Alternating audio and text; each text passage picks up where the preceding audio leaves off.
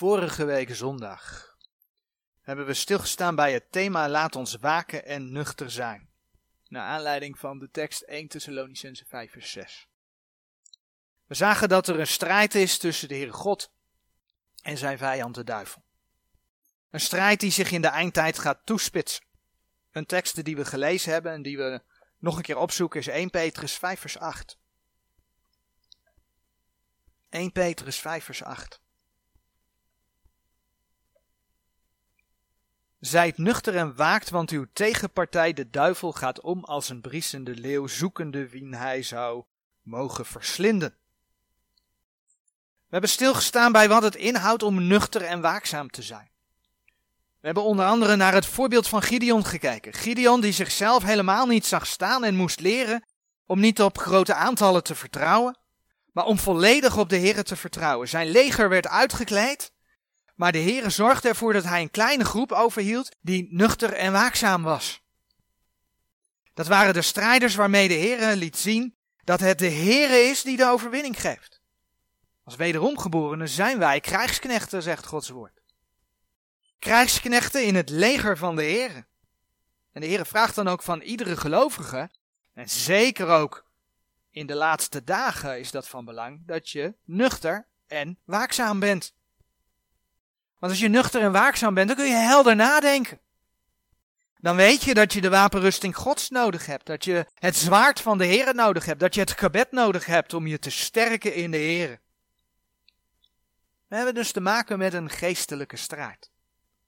We hebben te maken met een vijand van God, de duivel. Als gelovigen hebben we met nog andere vijanden te maken. Denk aan de wereld. Denk aan je eigen vlees.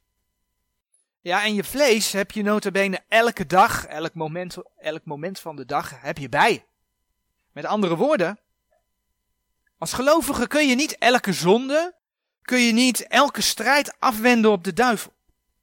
Je speelt er zelf ook een rol in. Je moet zelf keuzes maken. Het is heel belangrijk om dat ook te zien. Je niet alles op de duivel afschuiven. En toch gaan we vanmorgen met name bij die duivel stilstaan. In hetzelfde vers waar geschreven staat dat de duivel omgaat als een briesende leeuw, die, dat vers wat we net gelezen hebben, zoekende wie hij zou mogen verslinden, daar lezen we namelijk, waar we vorige week bij stilgestaan hebben, zijt nuchter en waakt. We gaan dus stilstaan bij die duivel. Nu zijn er mensen die zeggen, je moet die duivel niet zoveel aandacht geven. Dan krijgt hij veel te veel eer. Maar dat is een drogreden. Het feit dat die duivel tekeer gaat als een briesende leeuw, en sterker nog, 2 Korinthe 11 vers 14, dat hij kan verschijnen als een engel des lichts. Laten we dat vers toch even opzoeken. 2 Korinthe 11 vers 14.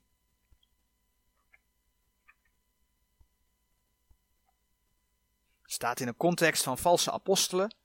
En dan wordt er in vers 14 van 2 Korinthe 11 gezegd, en het is geen wonder want de Satan zelf verandert zich in een engel des lichts.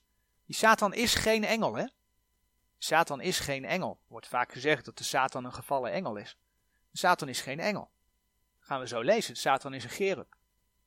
Maar hij kan zich dus veranderen. Hij kan zich voordoen als een engel des lichts. En dat maakt hem een vijand waar je alert op moet zijn. Het is niet voor niets dat de Heer zegt, er komt hij weer, zijt nuchter en waakt. Dat woordje duivel of duivelen, dat komt 105 keer voor in Gods woord. En daarnaast komt het woordje Satan of Satanas nog eens een keer 52 keer voor in Gods woord.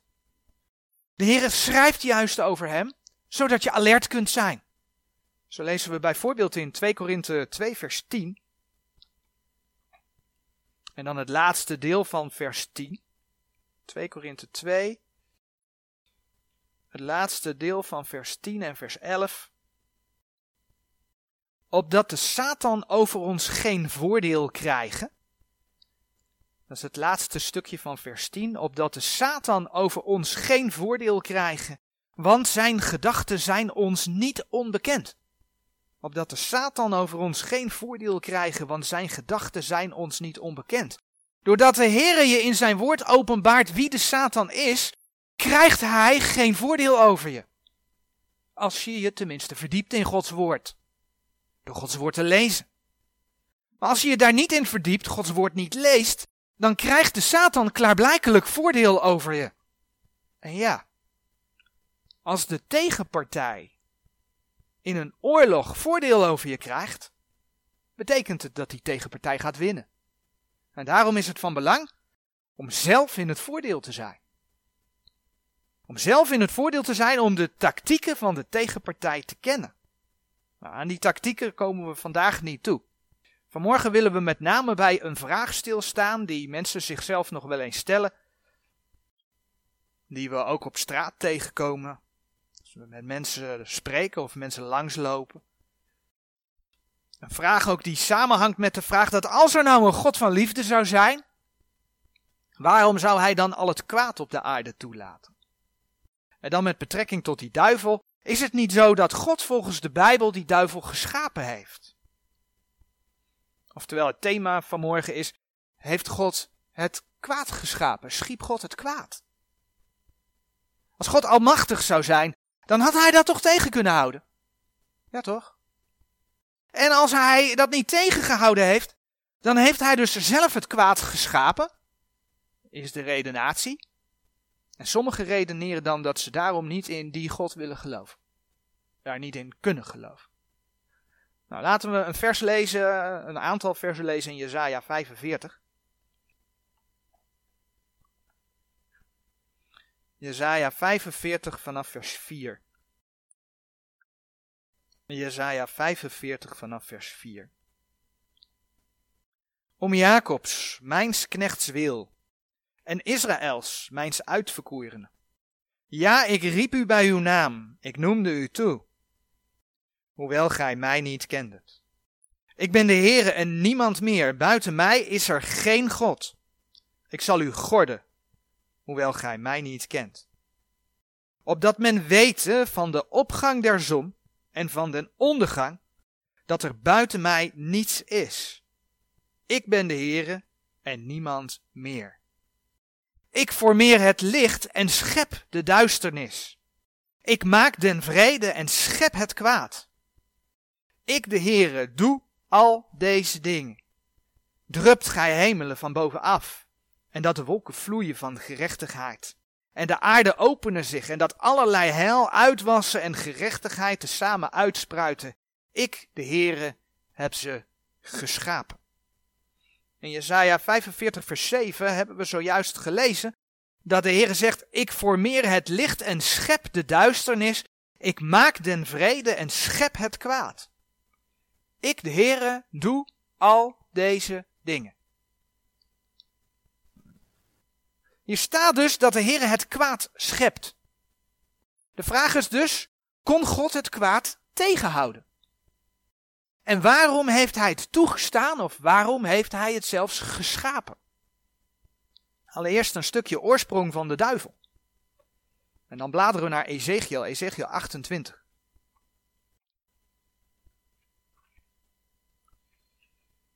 We vinden namelijk in de schrift dat de Heer de Satan goed geschapen heeft. De Heer heeft de Satan goed gemaakt. Het is dus niet zo dat die Satan kwaad geschapen is om mensen ten val te laten brengen of zo. Want Satan was goed. Laten we Ezekiel 28 vers 13 tot en met 15 lezen. Gij waart in Eden, Gods hof. Alle kostelijk gesteente was uw deksel. Sardisstenen, topazen en diamanten, turkooizen, sardonikstenen, en jaspisstenen, saffieren, robijnen en smaragden en goud. Het werk uw trommels en uw pijpen was bij u. Ten dagen als gij geschapen werd, waren zij bereid.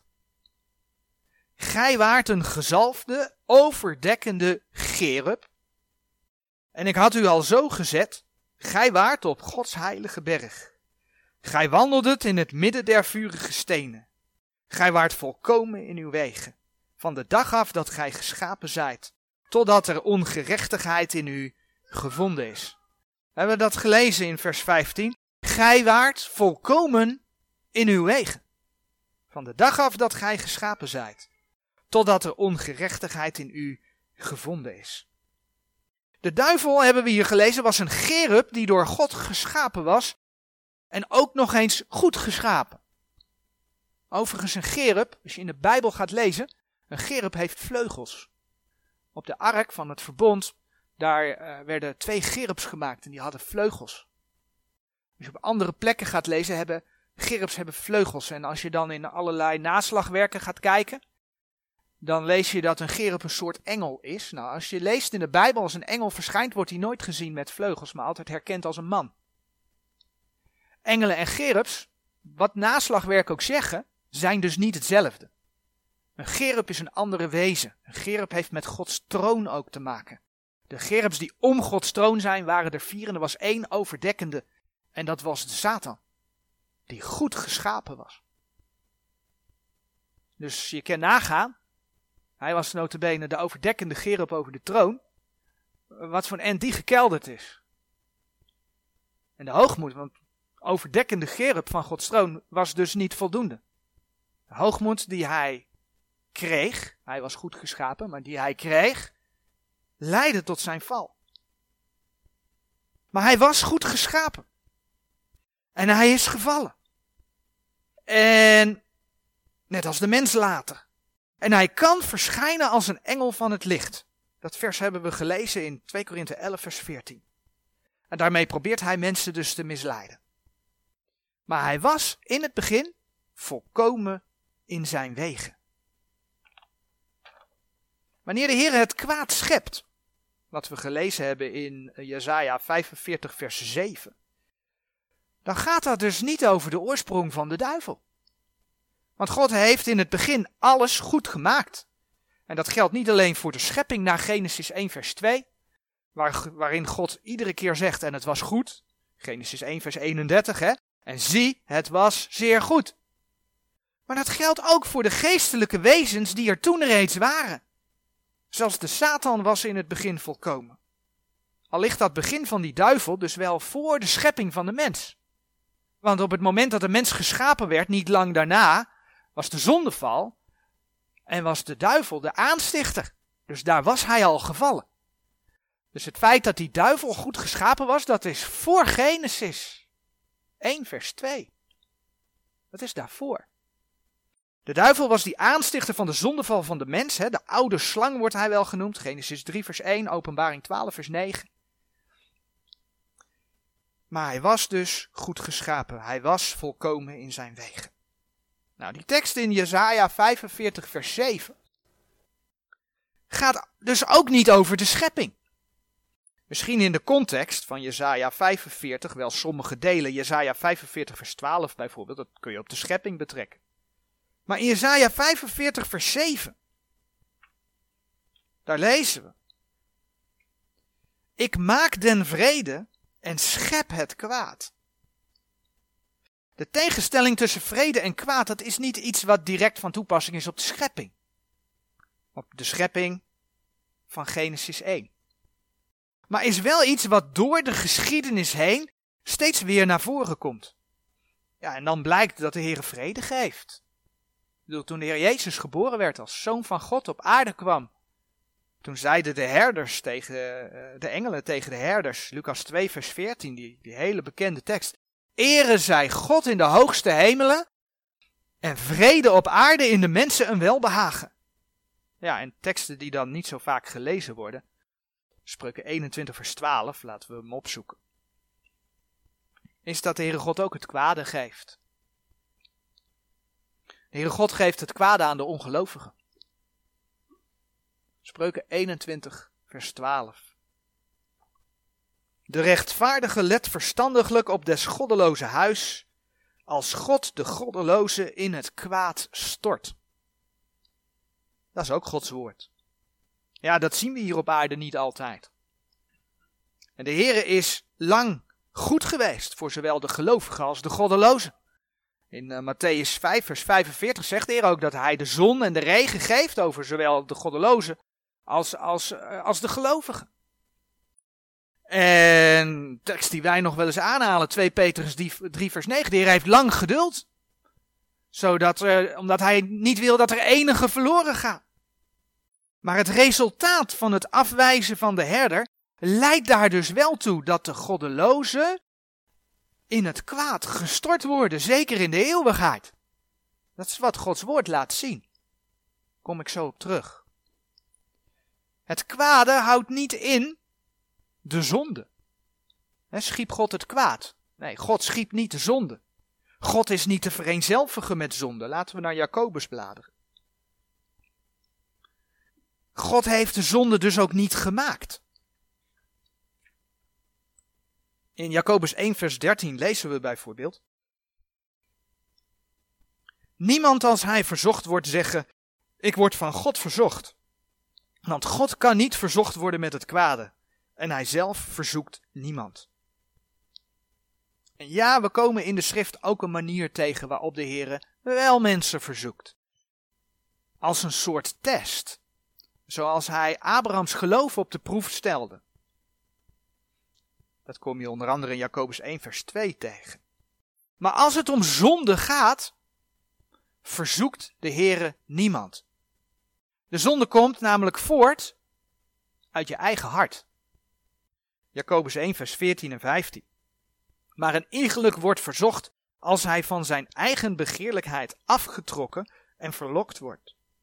Daarna de begeerlijkheid ontvangen hebbende baart zonde, en de zonde voleindigd zijnde baart den dood. Dan hebben we het dus over die andere vijand, over die vijand, het vlees. Maar de zonde komt dus niet van God. Een andere tekst die je erbij zou kunnen opzoeken is Matthäus 15, vers 19 tot en met 20. Wat er uit je hart naar voren komt. Hè? Het hart is arglistig. Jezaja 45, vers 7, als God zegt, ik maak de vrede en schep het kwaad, kan dus ook niet gaan over de zonde. Nou, waar kan het dan wel over gaan? Bij het kwade kun je bijvoorbeeld wel denken aan Gods toorn. Gods toorn die in de grote verdrukking over de aarde zal gaan. Als we Romeinen 2 vers 5 erbij pakken. Romeinen 2 vers 5. Dan zegt de Heere daar tegen de mensen. Bijvoorbeeld in vers 3, daar staat: En denkt gij dit, o mens? Dit wordt niet tegen de gelovigen gezegd, maar dit wordt tegen de mensen gezegd. En dan lees je Romeinen 2, vers 5. Maar naar uw hardigheid en onbekeerlijk hart vergadert gij uzelf het toren als een schat in de dag des torens en der openbaring van het rechtvaardig oordeel Gods. Dat is wat de mens doet die, die de Heer niet kent. Maar naar uw hardigheid en onbekeerlijk hart vergadert gij uzelf het toren als een schat in de dag des torens en der openbaring van het rechtvaardige oordeel Gods. Ja, en dan kom je bij het antwoord op de vraag: waarom gebeuren er van die nare dingen op aarde? Waarom zijn er virussen? Waarom ontstaat er oorlog? Waarom geeft de Heere het kwade? Ja, het antwoord is eigenlijk heel simpel. En dat is voor de meeste mensen niet te verkroppen. Maar het is God die het openbaart in zijn schrift. Het heeft ermee te maken dat de mensen hem en zijn woord verworpen hebben. En daarom gebeuren die dingen. Dat heeft met zonde te maken. In het Oude Testament vinden we daar vele voorbeelden van. Als voorbeeld zoeken we Jeremia 6, vers 19 op.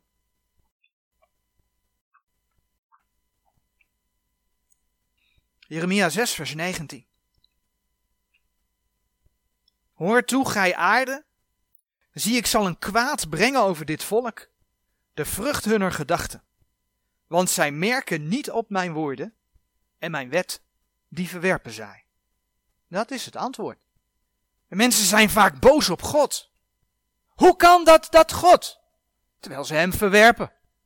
Ze hebben hem verworpen. Word dan ook niet boos op God. Waarom zou hij voor je zorgen als je hem verworpen hebt? En de Heer waarschuwt niet voor niets in zijn woord. En ik lees Jezaja, Jeremia 6 vers 19. Maar er zijn veel meer versen. Ik heb ze niet op de dia gezet. Job 2 vers 10, Jeremia 3 vers 9, Jeremia 4 vers 6, Jeremia 18 vers 10 en 11, Jeremia 19 vers 3. En 5, Jeremia 49 vers 37, Klaagliederen 3 vers 38, Daniel 9 vers 10 tot en met 12, Jona 3 vers 10. Zo vaak dat het naar voren komt in dat woord van God. Oude Testament is voor Israël. Nou, dat handelen van God geldt niet alleen voor Israël. Maar dat geldt net zo goed de heidevolken. En dat blijkt zelfs uit de, uit de profeten. Ik heb Jezaja 13 wel vaker aangehaald, maar laten we vers 11 van Jezaja 13 lezen. Overigens, wat we in Romeinen 2, vers 5 gelezen hebben, laat ook zien dat het niet alleen voor Israël is. Maar in Jezaja 13, in de profeet in het Oude Testament, kom je het al tegen. Want ik zal over de wereld de boosheid bezoeken en over de goddelozen hun ongerechtigheid. En ik zal de hoogmoed der stouten doen ophouden en de hoofdvaardheid der tirannen zal ik vernederen. Dat was Jezaja 13 vers 11. Nou, de laatste tijd hebben we natuurlijk te maken met die oorlog in, uh, in Oekraïne. En je mag in Nederland natuurlijk helemaal niets goeds over president Poetin van Rusland zeggen. En ja, let wel, ik wil het gezegd hebben, hij is ook mijn vriend niet. Maar let op in de Bijbel, hè. Jezaja 44 vers 28. Daar wordt koning Kores, een heidense koning, wordt Gods herder genoemd. Jezaja 44 vers 28. Koning Kores, die van Kores zegt, hij is mijn herder en hij zal al mijn welgevallen volbrengen. Zeggende ook tot Jeruzalem wordt gebouwd en tot de tempel wordt gegrond. Ja, oké, koning Kores, Gods herder, want hij heeft ervoor gezorgd dat de tempel herbouwd wordt. Maar koning Nebukadnezar wordt dan wel niet van gezegd, letterlijk dat hij Gods herder was, maar was ook een instrument in Gods handen om Israël in Babylonische ballingschap te brengen. En bedenk wel, Psalm 2, waar geschreven staat dat de volken opstaan tegen de Heer, dat God zegt dat hij lacht in de hemel. Dat is Psalm 2. Ik hoorde, of ik hoorde, ik las, ik kwam een berichtje tegen van, uh, van uh, meneer Segers van de ChristenUnie. Die beschuldigt Poetin van blasfemie, godslastering. Poetin die heeft namelijk de Heilige Schrift geciteerd. En ik lees voor uit een stukje van, uh, van het CIP.nl. Een klein stukje. En de, het eerste is een citaat van Poetin. En daar komt dan toelichting op van degene die dit artikel geschreven heeft. Woorden uit de Heilige Schrift komen in mijn gedachten. Poetin dus, hè? Woorden uit de Heilige Schrift komen in mijn gedachten. Geen grotere liefde is er dan deze: dat iemand zijn leven geeft voor zijn vrienden. Deze woorden zouden uitgesproken kunnen zijn tijdens een zondagse kerkdienst, een christelijke conferentie of een evangelisatiebijeenkomst. Het zijn echter de woorden van de Russische president Vladimir Poetin. Hij sprak deze woorden uit tijdens de massabijeenkomst in het Luzhniki stadion in Moskou, om de achtste verjaardag van de annexatie van de Krim te vieren. ChristenUnie-voorman Gert-Jan Segers spreekt van blasfemie. Tot zover het citaat. Mag ik daar iets tegenover stellen? Welke blasfemie, welke godslastering pleegde de heer Segers, heeft hij gepleegd in het vorige kabinet? Rutte? En welke godslastering pleegt hij in het huidige kabinet Rutte? Door samen te werken met D66. En ik ga geen voorbeelden noemen, ik denk dat we ze allemaal kennen. Door Gods woorden met de voeten te treden. Maar ja, we willen allemaal wat negatiefs over Poetin zeggen hier in Nederland, hè? Dus hij ook. Maar terug naar de oorlog. Wat als deze strijd bij de oorlogen hoort? En hou me te goede, hè? Het is verdrietig als je ziet hoe die mensen in nood zijn. Maar het heeft wel een oorzaak. Want wat als deze strijd bij de oorlogen hoort van deze eindtijd? God heeft het toch gezegd, er zouden oorlogen en geruchten van oorlogen komen. Wat als dat daarbij hoort? Dan zijn ze door de Heer gegeven. Dat is de conclusie. De mensheid heeft tegen Jezus de rug toegekeerd. En daardoor gaan we die dingen ook steeds meer zien. Als gemeente gaan we opgenomen worden op een gegeven moment. Is ons vooruitzicht, mogen we elkaar mee vertroosten. Maar dan gaat het op aarde alleen maar heftiger worden. En waarom? het antwoord is, omdat de mensen Gods woorden en zijn wet verworpen hebben. Dat is inderdaad het kwaad dat God geeft. Het kwaad dat God schept. De schuld ligt dus niet bij de Heer, want dat is wat mensen doen. Ja, als God. Nee, niet als God. Jij hebt hem verworpen en daarom komt dit over deze aarde. De schuld ligt dus niet bij de Heer, maar bij de mens. En zo blijkt uit 2 Thessalonicense 2 vers 11 dat de Heere zelfs een kracht der dwaling stuurt, opdat mensen de leugen geloven. Dus de hele wereld is anti-Poetin. En oh, wat komen onze leiders er met een schone lei van af nu in deze tijd. Terwijl alles achter de schermen bekokstoofd is. Onze leiders zijn net zo slecht. Ik heb er filmpjes uh, van de week gezien. Waarin er dan toch uitspraken gedaan wordt. Mensen, mensen gaan zichzelf zichzelf God maken, want ze willen de mensheid veranderen. Ze willen de mensheid transformeren tot nieuwe wezens. En ik denk dat het zover niet gaat komen. God gaat dat tegenhouden. En daarom komt Gods toren over deze aarde. Maar de Heere stuurt een kracht der dwaling, zodat mensen, ondanks dat het gewoon open en eerlijk gezegd wordt, een transhumane mens gaan we maken, dat mensen het gewoon achterna lopen, want onze leiders. En kijk eens hoe slecht ze daar in Rusland zijn, want, want daar worden mensen die het niet eens zijn met de regering, die worden opgepakt en weggezet. En wat doen ze hier? Langzamerhand komt dat er ook in. Worden mensen die een andere mening hebben, worden monddood gemaakt of worden zelfs opgepakt. Opgepakt. God stuurt die kracht der dwaling, zodat mensen er gewoon achteraan gaan. 2 Thessalonicense 2 vers 11. Maar dan komt hij, dat doet hij niet. Totdat mensen hem zelf verworpen hebben. Totdat mensen zelf een keuze hebben gemaakt. Kijk maar in vers 10. 2 Thessalonicense 2, vers 10. En in alle verleiding der onrechtvaardigen, dat gaat over de komst van de antichrist. In degene die verloren gaan, daarvoor dat zij de liefde der waarheid niet aangenomen hebben om zalig te worden. Dus mensen hebben hem verworpen. En daarom zal God hun zenden een kracht der dwaling. Dat zij de leugen zouden geloven. Opdat zij alle veroordeeld worden, die de waarheid niet geloofd hebben. Daarom. Dus ja, de Heere God geeft het kwade. Kan ik niet ontkennen. Staat in de Bijbel. Onder andere zijn toren. Maar dat doet hij niet zomaar. Dat doet hij echt niet zomaar. Mensen hebben hem verworpen, de rug toegekeerd, zijn, zijn woord verworpen tot in christelijke kringen toe. Gaan in de regering zitten, gaan samen plannetjes maken waarop we de, de, de Bijbel getrouwen zeg maar het nog moeilijker maken. Daarom komt die toren van God.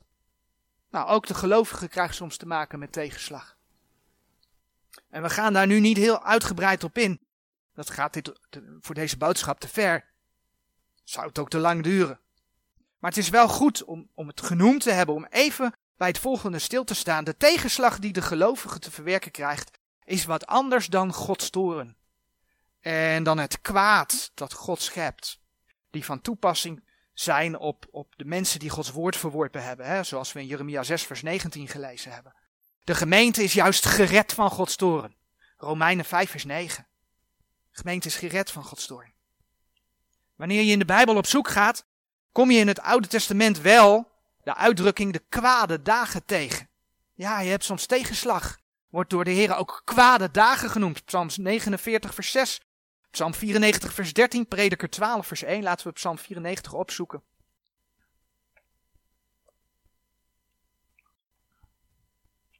Psalm 94. In vers 13 daar staat bijvoorbeeld geschreven. Om hen rust te geven van de kwade dagen totdat de kuil voor de goddeloze gegraven wordt. Het betreft teksten in het Oude Testament in eerste instantie gericht aan Israël. Kijk je naar de context, Psalm 94, vers 1 en 2, ook nog eens een keer profetisch naar de toekomst toe. Maar ook wij kunnen daar een geestelijke les uit leren. Er gebeurt zoveel onrecht op deze aarde. En toch gaat de Heere, die tijd komt, dat Hij gaat ingrijpen. Dat Hij gaat afrekenen met de goddelozen. En het kwade dat de gelovige ontmoet. Kijk onder andere maar in Psalm 94, vers 12, het vers ervoor. Het kwade dat de gelovige ontmoet, dat gebruikt de Heer als beproeving, als tuchtiging of kastijding. Je kunt dan Psalm 94, vers 12 eventueel vergelijken met Hebreeën 12, vers 5 en 11. En de gelovige mag zich daarbij vasthouden aan die tekst, Romeinen 8, vers 28. De tekst staat op de dia. En wij weten dat degenen die God liefhebben alle dingen medewerken ten goede, namelijk degenen die naar zijn voornemen geroepen zijn. En nee, dat maakt het niet altijd makkelijk wat we meemaken. Maakt het niet altijd makkelijk. Maar dat is wel een belofte die we hebben. Dat God het doet meewerken ten goede. Alle dingen werken mede ten goede. Dus ook de dingen die wij mensen meemaken in de kwade dagen. Ja, en Paulus geeft daar wel een heel mooi voorbeeld van in, in Romeinen 8, vers 35 en 39.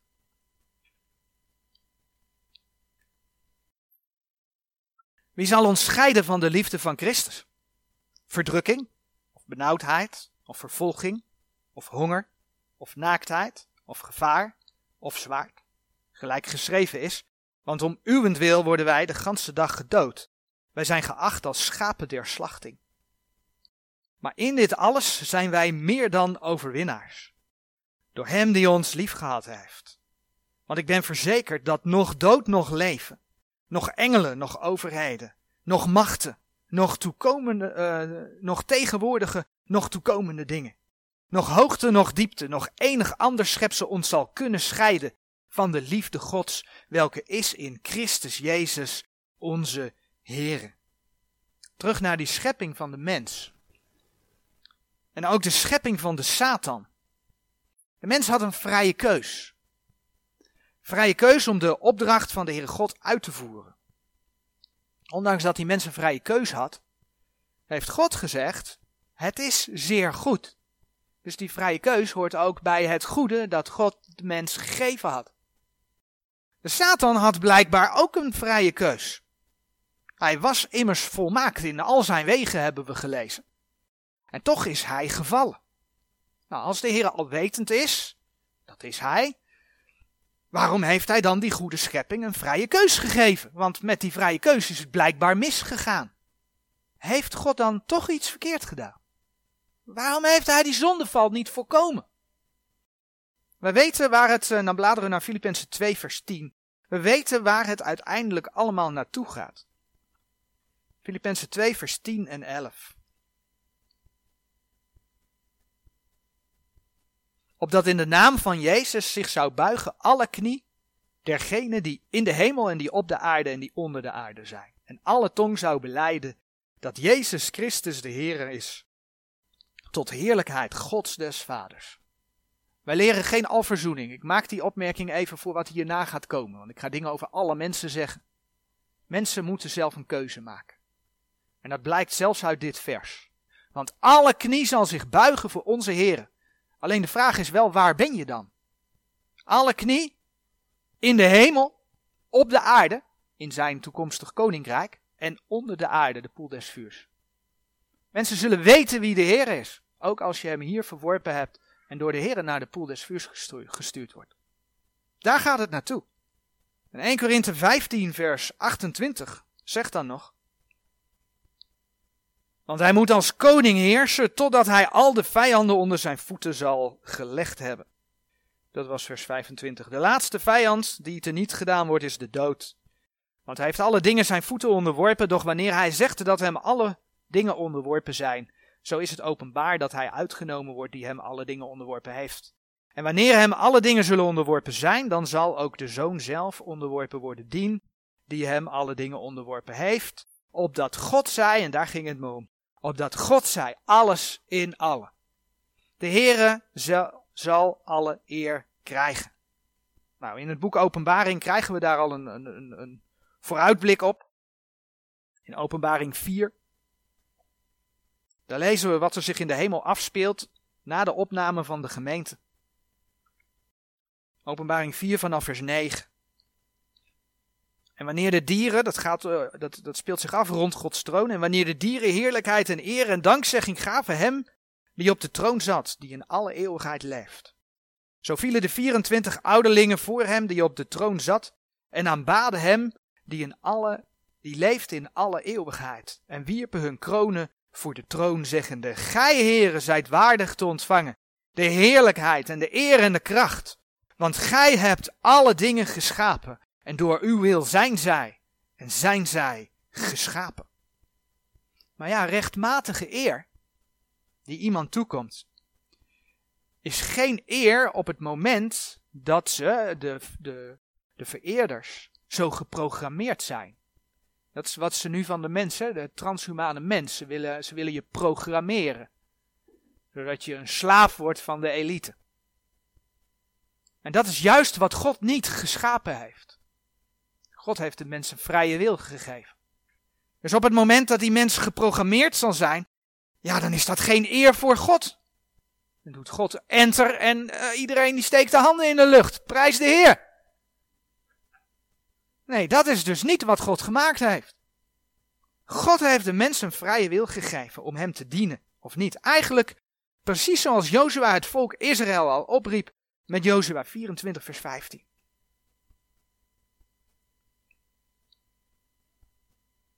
In Jozua 24 vers 15 houdt Jozua het, het volk het volgende voor. Doch zo het kwaad is in uw ogen de Heer te dienen, kiest u heden wie gij dienen zult. Het zij de goden welke uw vaders, die aan de andere zijde der rivier waren, gediend hebben. Je mag voor de afgoden kiezen, doe je best. Het mag. Consequenties staan in Gods woord.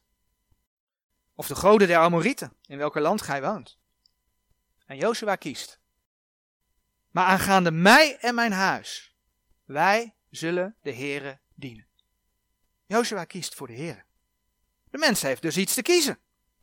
Ja, en dat heeft met liefde te maken. De Bijbel zegt dat God liefde is, 1 Johannes 4 vers 8. Maar voor ware liefde heb je wel twee partijen nodig. Zelfliefde is geen echte liefde. Daarom heeft God die mensen vrije wil gegeven. En wanneer die mens die vrije wil niet zou hebben, had de mens Gods liefde nooit kunnen beantwoorden. Ja, dat kan nu wel. Eigenlijk net als met een huwelijk. Laten we naar Hooglied bladeren. Net als met een huwelijk. Het Hooglied beschrijft de liefde tussen de bruidegom en de bruid. En dan lezen we in Hooglied 2.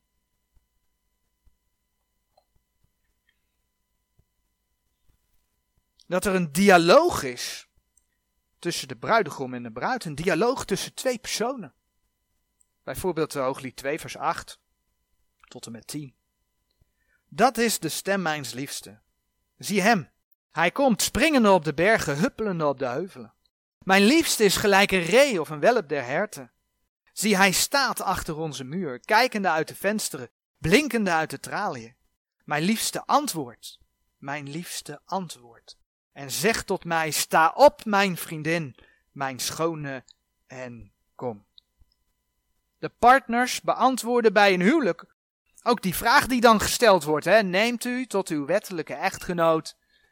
En dan is het ja, ik wil. Het is dan ook niet verwonderlijk dat de Heer de relatie tussen Jezus Christus en zijn gemeente in zijn woord vergelijkt als de relatie binnen een huwelijk. Efeze 5 spreekt erover, vers 31 en 32. Want die zijn kinderen worden, die in zijn lichaam gedoopt worden. Dat zijn de mensen die hebben gezegd, ja heren, ik erken u als mijn persoonlijke verlosser. Ja heren, ik wil.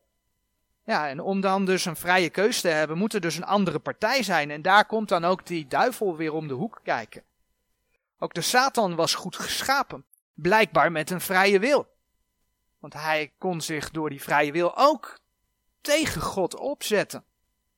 Hij heeft zichzelf boven God willen verheffen. De teksten waar je dat kunt lezen, heel duidelijk, is Jesaja 14, vers 12 en 13. God liet dat toe. Allemaal om zijn doel te bereiken. Een schepping die hem uit vrije wil eert.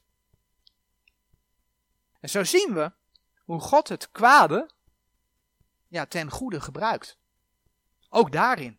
En in Israël vinden we daar natuurlijk een, een, een voorbeeld. We hadden het vanmorgen over Romeinen 11. Dit vers komt van net een paar versen verder, zeg maar. Romeinen 11, vers 11.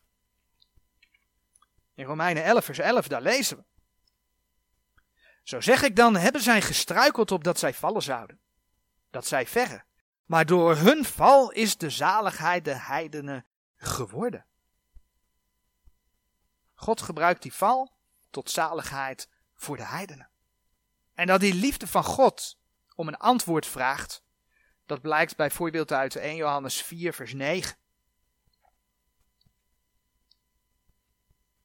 1 Johannes 4, vers 9. Hierin is de liefde Gods jegens ons geopenbaard. Dat God zijn enige geboren zoon gezonden heeft in de wereld, opdat wij zouden leven door hem. En dan zegt vers 19: Wij hebben hem lief, omdat hij ons eerst lief gehad heeft.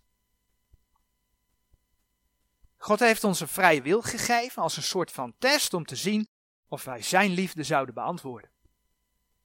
Zo zien we hoe God zijn schepselen daarin wel test. Ook de mens viel, hè, Genesis 3. Want die mens luisterde niet naar God, maar die mens luisterde naar zijn vrouw.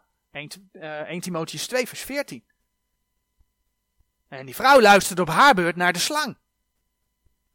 Maar God had de wereld zo lief dat hij zijn enige geboren zoon gegeven heeft. Johannes 3, vers 16. Is God dan schuldig aan alle ellende? Nee, de mens mocht zelf kiezen. De mens is verantwoordelijk voor de keus die hij maakte, maar de mens is ook verantwoordelijk voor de keus die hij maakt. En ik zeg hij, want het geldt natuurlijk ook voor zij. Maar God voorzag wel in een middel om uit, uit, uit, uit, uit de zonde te komen. Hij liet het kwaad toe, maar voorzag in de oplossing door zijn zoon naar de aarde te sturen. God geopenbaard in een menselijk lichaam. 1 Timotheus 3 vers 16. Zijn zoon die de test doorstond. En voor onze zonde kon sterven. Waardoor wij die niet rechtvaardig zijn in zonde gevallen, Gods rechtvaardigheid kunnen krijgen. 2 Korinthe 5 vers 21. En de Heere vereenzelvigde zich zo met de zonde, dat hij zichzelf in Gods woord vergelijkt met de slang. Een slang die hij door Mozes al in het Oude Testament laat verhogen. Een slang die verhoogd moest worden, die moest sterven. De Heer Jezus is zonde geworden. Is voor ons als zonde gestorven. Gelaten 3 vers 13, Johannes 3 vers 14. God heeft zelf voor de oplossing gezorgd. De mens kan uit vrije wil bij hem komen om hem te dienen. En als die mens dat doet, dan vergeeft de Heer de zonde. Dan ben je vrij van Gods toren. En zo, en dan bladeren we naar openbaring uh, 20. Zo wordt er afgerekend uiteindelijk met die duivel. Openbaring 20 vers 10, hè? duidelijk. En de duivel die hen verleidde werd geworpen in de poel des vuurs en zilvers. Al waar het beest en de valse profeet zijn. En zij zullen gepijnigd worden dag en nacht in alle eeuwigheid. En gaat afgerekend worden met die duivel. Gaat gebeuren. En zo zal er in de nieuwe hemel en op de nieuwe aarde een volk zijn dat de Heer uit vrije wil dient. De Heer uit vrije wil vereert. Openbaring 21 vers 3. En ik hoorde een grote stem uit de hemel zeggende, zie de tabernakel Gods is bij de mensen. En hij zal bij hen wonen en zij zullen zijn volk zijn. En God zelf zal bij hen en hun God zijn. Vers 24 van openbaring 21. En de volken die zalig worden zullen in haar licht wandelen. En de koningen der aarde brengen hun heerlijkheid en eer in dezelfde. En haar poorten zullen niet gesloten worden des daags, want al daar zal geen nacht zijn. En zij zullen de heerlijkheid en de eer der volken daarin brengen. En in haar zal niet inkomen iets dat ontreinigt en gruwelijkheid doet en leugen spreekt, maar die geschreven zijn in het boek des levens des lams. Die teksten gaan over de volken. Lees je openbaring 22 vers 3 tot en met 5 wordt er ook over dienstknechten gesproken. Die hem voor eeuwig zullen dienen. God zal zijn, alles in alle, en iedereen zal hem eren. En dat uit vrije wil. Amen.